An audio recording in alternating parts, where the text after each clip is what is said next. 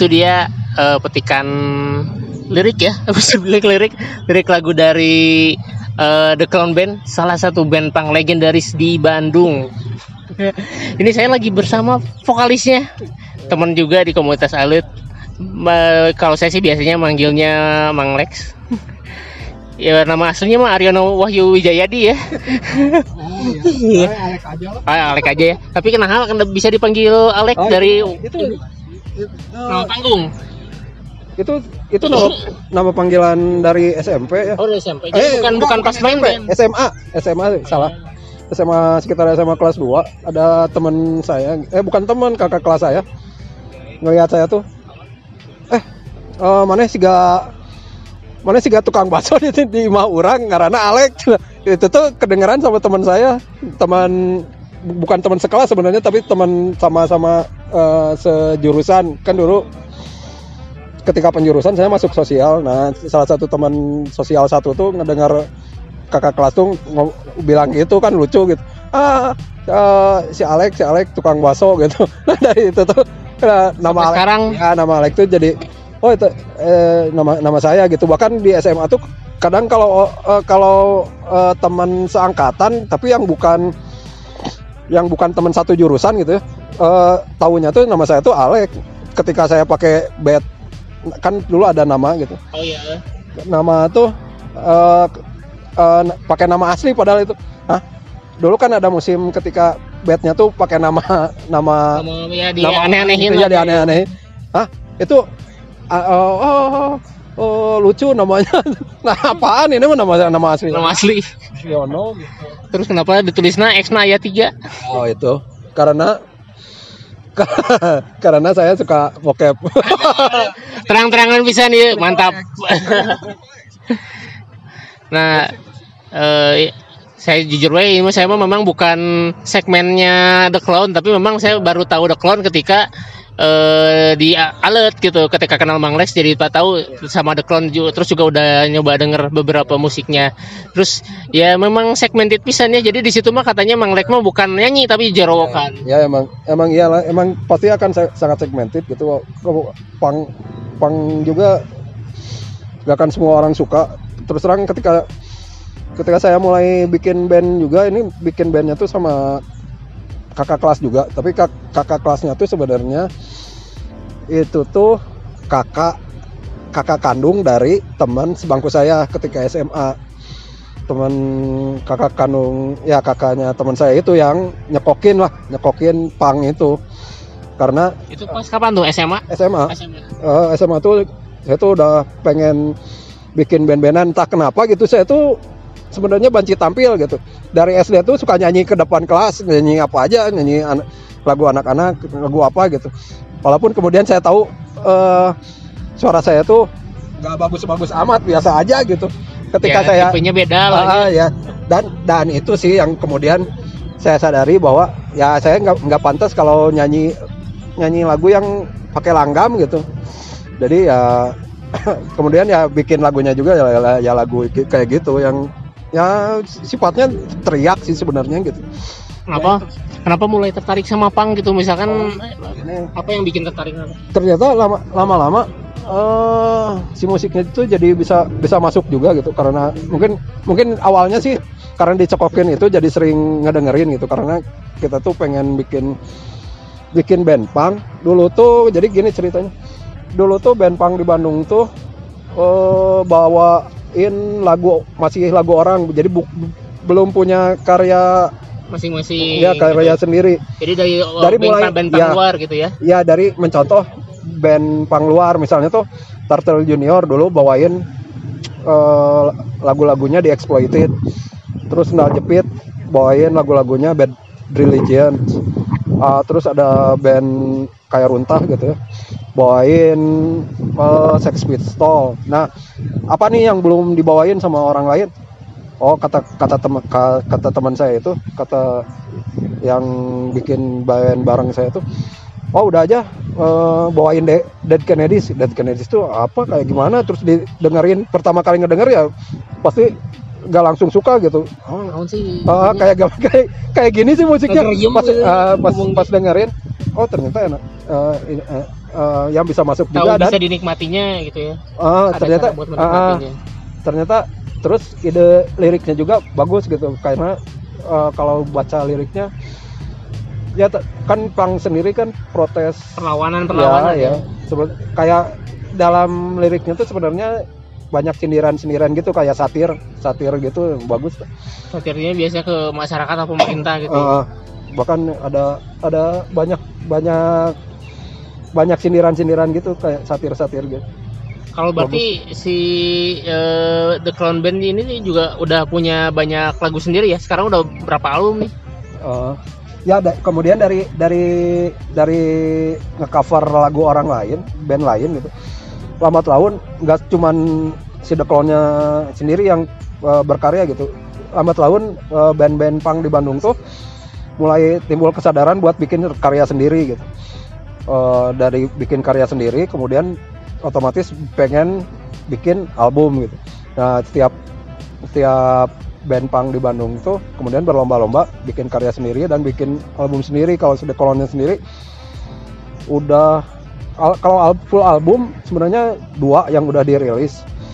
Itu tuh status quo tahun 98 98 lah sekitar 98 sama eh politikus badut yang paling baru, baru tuh. itu eh, yang politikus baru kapan tuh terakhir? Tahun baru-baru kemarin kan ya aslinya? itu mah baru tahun 2017 lah kalau nggak salah. Iya iya yang saya 2000 banyak 2015 gitu. Lupa. Lumayan sering lihat bajunya kayaknya. Ya yang itu itu yang itu mah relatif baru. Kalau bikin baju juga itu sebenarnya udah dari dulu. Eh, dari situ tuh dari bikin karya ini cerita eh, secara umum aja gitu ya. di, di, skena punk tuh dari bikin karya sendiri kemudian timbul kan kesadaran buat bikin kompilasi tadinya. Karena masing-masing band materinya eh, baru beberapa lagu gitu buat dibikin full album belum nyampe. Jadi tuh dikumpulin jadi kompilasi. Makanya di di skena punk Bandung dulu tuh ada ada kompilasi kayak Bandung Burning kayak kayak Bandung Holocaust yang isinya tuh dalam satu kompilasi itu beberapa band eh, iya bareng sama ya, band lain ya. bikinnya kemudian dari situ kan perlu dijual nih kemudian nemu konsep di luar tuh ada namanya distribution outlet yang disingkat distro oh dari iya iya dari iya. situlah muncul distro-distro itu jadi di dalamnya tuh bisa kita bisa jual berbagai macam merchandise eh, eh, termasuk kaos Jadi sebenarnya si distro teh mulainya Iya. dari dari dari ini gitu Iya. ya. Makanya kayaknya Iya. kalau di Bandung mah di si distro distro Iya. yang terutama daerah Plaza Parahyangan teh banyak eh si distro distro yang desain desainnya itu lebih ke arah eh, pang gitu ya. Eh, ya sih itu rasanya eh, yang merintis dan mengawalin itu anak-anak dari skena underground lah ya salah satunya dari skena punk juga gitu buat karena buat kita keperluan buat menjual kayak menjual kompilasi menjual album menjual merchandise kemudian gitu kan karena si bandnya kan harus harus tetap latihan dan latihan tuh harus bayar gitu dan salah satunya ya dapat eh, dana buat album. rekaman ya itu tuh dari situ Jadi berarti si The teh udah lamanya katanya. Eh, mulai dibikinnya tuh patokannya sih sebenarnya sebelum tahun 96 tuh sebelum tahun 96 tuh saya tuh udah mulai bikin band sama kakak kakak teman saya itu Hmm. kakak teman SMA saya itu Oh jadi ah, pernah bikin band selain The Clone? ya pernah Pang juga atau beda lagi nih? dulu dulu hardcore karena teman teman saya itu tuh eh selalu inspirasinya itu kalau ngelihat band lain gitu. Dulu tuh dia sempat nonton Pupen. Pupen tuh personelnya ada Aryan 13 ada pernah juga Marcel Marcel Sian itu. Sian, oh iya. eh, itu jadi drummernya Pop- Pupen. Drummer juga, dulu ya. Eh, dia bawainnya hardcore jan genrenya. Eh, terus dia pengen bikin hardcore juga. Nah saya tuh mulai band-bandan bawain hardcore terus akhirnya pas ngelihat Turtle Junior manggung di Hula Balo gitu teman saya tuh oh lek eh, orang nyeun band pang lah. Oh naon? Juga oh, mau ke naon? Oh iya ya Dead Kennedys. Oh ya udah. Dari situ ya mulai bikin band pang itu tuh kalau The Clone-nya sendiri pertama eh, berdirinya tuh ngambil dari pertama kali main manggung gitu. Oh, jadi pas pertama kali manggung itu ta- Oh, berdirinya oh, tanggal berdirinya tuh- The Clown. Eh, setelah tahun baru tahun 96 jadi dari tahun 96 lah. Nah, eh kalau- 96 95 ya? 95 kalau nah, saya yang belum paham teh, bedanya hardcore sama punk bedanya di mana tuh? Ah, secara secara kalau pang ya agak agak sulit juga saya buat ngejelasin ya. Kalau kalau dengar langsung si musiknya nah bisa Bisa nunjukin. ngebedain ya. nah ini ini sebenarnya pang gitu. Ini sebenarnya hardcore kalau hardcore sendiri sih lebih ke eh eh, lang- eh, bernyanyinya lebih ke jatuhnya kemudian lebih ke kayak nge-rap sebenarnya tapi Oh. musiknya musik metal gitu Ya, lebih kayak apa nih? Ya, kayak kayak Contoh. kayak hip hop kayak eh, apa ya contohnya yang agak mainstream hardcore tuh Metallica bukan ya? bukan Metal Oh. itu ya. Oh apa yang agak umum ah itulah Limp Bizkit lah Oh, iya tapi kalau iya Limp iya. iya. Udah lebih ke eh, Hip hop. ya Iya, karena lebih, lebih- ke hip, hip metal nanti Oh. ada lagi gitu tapi sebenarnya sebelumnya tuh ada ada yang dinamain hardcore gitu gitu dan itu tuh ter, eh, terkenalnya dari Amerika kalau si itu gitu eh, band-bandnya tuh yang hardcore tuh dari Amerika. Kayak dari kota-kotanya kayak dari New York.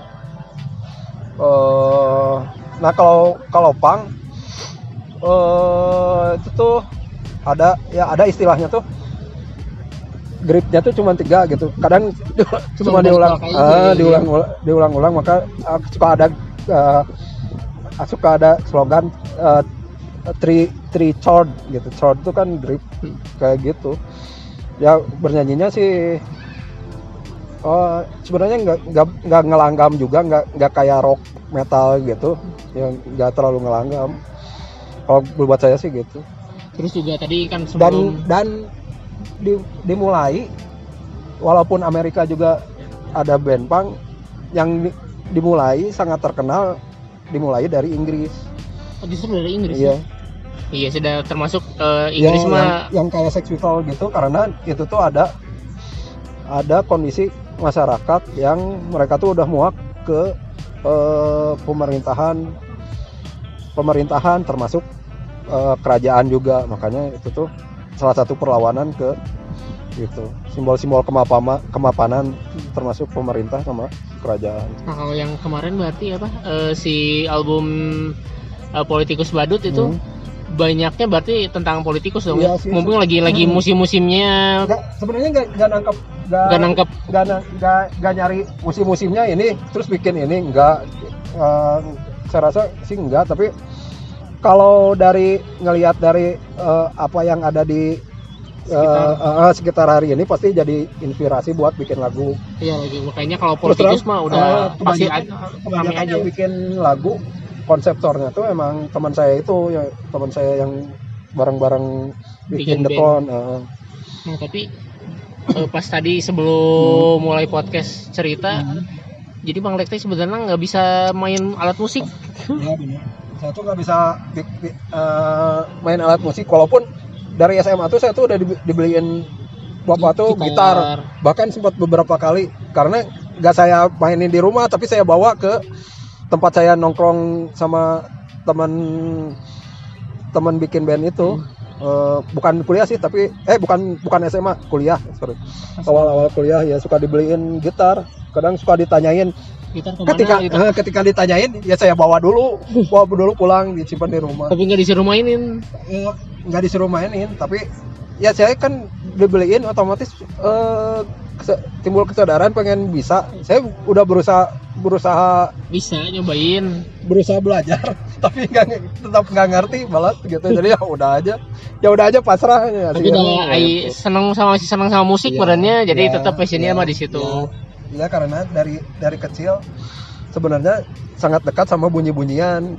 Secara nggak sadar gitu saya tuh saya tuh eh, udah dengar musik dari ketika kecil. Nah dari dari situ sebenarnya sih ketertarikan sama musik tuh walaupun ya musik ya ya musiknya yang ya Hmm. gitu gitulah yang nggak terlalu serius. Jadi musikus banget juga enggak gitu. Ya bu musik dari anak-anak mah pastilah ada ya gitu ya. Musik Jadi, anak-anak. iya jadi apa yang ya ya namanya juga apa yang kerekam ketika kecil pasti jadi teringat juga gitu ya ya. suka bawah terus ini udah manggung di mana aja? Nih Sidak Klon mah kebanyakan di, Ba- di Bandung. Sih. jadi memang terkenalnya mah di Bandung Oh. ya gitu ya terus terutama di Saparua katanya ya. Ya, ya karena uh, ketika era itu tempat pertunjukannya tempat tempat kami manggung itu bukan cuma Sidak Klon tapi banyak band Semua. lain juga. Band yang alirannya un- underground lah bisa disebut. Nggak band punk juga band hardcore band black metal band greencore. Jadi Saparua. Karena itu yang secara akses mudah, mudah. murah. Luas juga ya, ya. Terus enaknya di situ. Itu cuman itu aja. Tapi kalau misalkan eh, pernah pernah diundang ke Ya, pernah keluar pernah? Pernah juga. sampai mana paling jauh? Kalau buat ke Jogja pernah. Ke ya ke kota-kota di sekitaran Bandung ya pernah. Ke ke Sumedang ke Garut ke Jakarta ke Tangerang pernah lah gitu. Walaupun ya nggak terlalu sering karena ke- kemudian kebentur sama jadwal juga karena kan se- sebagian masih kuliah kalau dulu gitu. Kemudian kemudian kemudian sebagian kerja. Kayak kayak kayak, saya sekarang ya kok ya kalau hari biasa yang ngantor yang harus nyari nyari waktu di eh, di weekend. Ada yang nggak ngantor juga tapi kemudian dia udah berkeluarga nah jadi susah juga waktunya. ya istrinya istrinya yang kerja dia harus nunggu anaknya. Nah itu susah juga. Ada waktunya cuma di weekend juga gitu. Jadi gitu harus cari-cari waktu juga.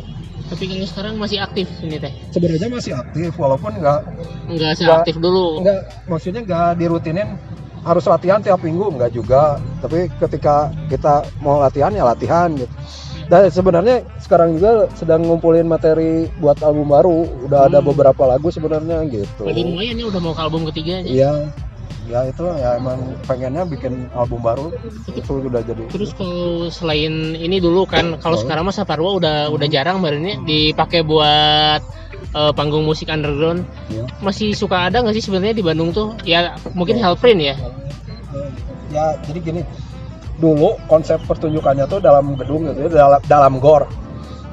Dalam gor enaknya bisa lintas genre dan ketika itu tuh emang eh, kondisinya udah masih berbeda eh, berbeda sama sekarang perizinan masih mudah Eh, tempat masih diizinin di menggunakan Saparua. Kemudian ketika tahun berapa gitu ya sebelum tahun 2000 lah si Saparua tuh ternyata dikembalikan fungsinya hanya jadi tempat gelanggang olahraga sesuai namanya kan gor. Gelanggang olahraga aja. Dari situ udah nggak pernah Hmm. lagi ada pertunjukan apa pun gitu.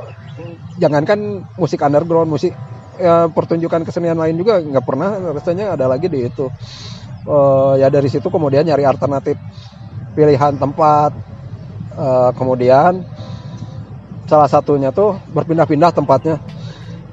Pernah juga di Majestic ketika Iya, iya. Majestic jadi Iya, iya, iya. eh, Asia Afrika Cultural ACC Center ya. ya Nah, makanya dulu sempat ada yang ah, Ya. baby side itu ya. tapi kemudian eh, ketika ada tragedi eh, Februari itu yang bisa itu eh, pertunjukan musik underground jadi sorotan karena ada tragedi seperti itu. Iya, dianggapnya bisa orang-orang bisa terbunuh di dalamnya. Iya, tapi Padahal itu kan bukan bukan Iya. karena itu ya. Padahal itu kan bisa jadi bahan kritisi ke Pemerintah, pemerintah kota lah bahwa sebenarnya emang kita nggak punya Ya. tempat nih. ya nggak punya pertun- gedung pertunjukan yang layak sehingga akses akses gedung tuh ngejebabin eh, terjadinya tragedi itu kan sebenarnya akses akses gedungnya yang nggak nggak memenuhi eh, buat satu gedung pertunjukan gitu dari situ kemudian acara musik tuh jadi ya, nggak modelnya jadi kayak festival festival Hmm, di luar iya, sih iya, sebenarnya nyontoh festival festival musik musik metal di luar gitu. Jadi eh, di open air jadi di lapangan. Dan biasanya karena perizinannya jadi sulit biasanya kita harus eh, punya kedekatan sama aparat juga. Biasanya ngegunain biar aman juga ngegunain eh, tempat-tempat militer di instansi militer misalnya tuh ada lapang di Yonjipur nah Kayak itu yang di itu ya dipakai. di Supratman ya? Ya tuh. atau di Cimahi di Oh, ya di Jipur. Brigif, ya di Brigif. Nah, atau di Jipur di di Jipur di eh, ujung Berung ya jadi modelnya kemudian beralih jadi gitu. Ya, Hellgreen juga masuknya festival kan kayak gitu ya, bentuknya. ya, ya Hellgreen itu salah satu festival Hmm. musik. Gitu kalau buat eh, perkembangan musik pang zaman sekarang gimana? Masih emang masih bagus bagus dulu nggak waktu masih ada Saparua? Atau udah agak beda nih cek Bang Alex?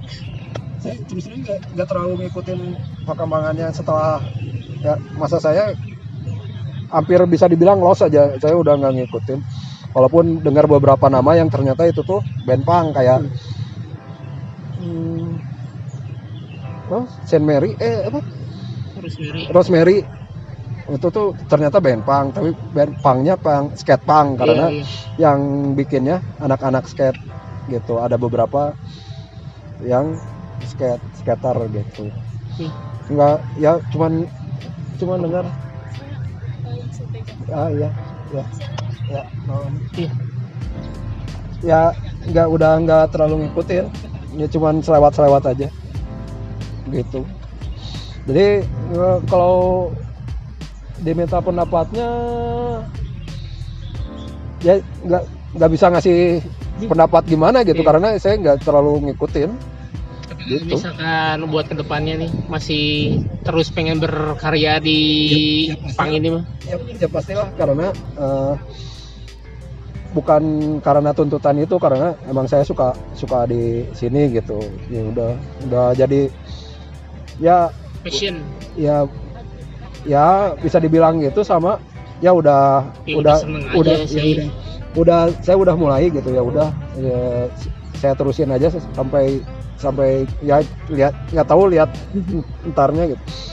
Kalau Gitu. pas dulu manggung punya pengalaman menarik gak yang sampai diinget sampai sekarang gitu Eh, setiap manggung tuh sebenarnya so- sebenarnya saya tuh orangnya pem- pemalu gitu ya. Jadi naik naik panggung tuh salah satu cara saya mengekspresikan diri.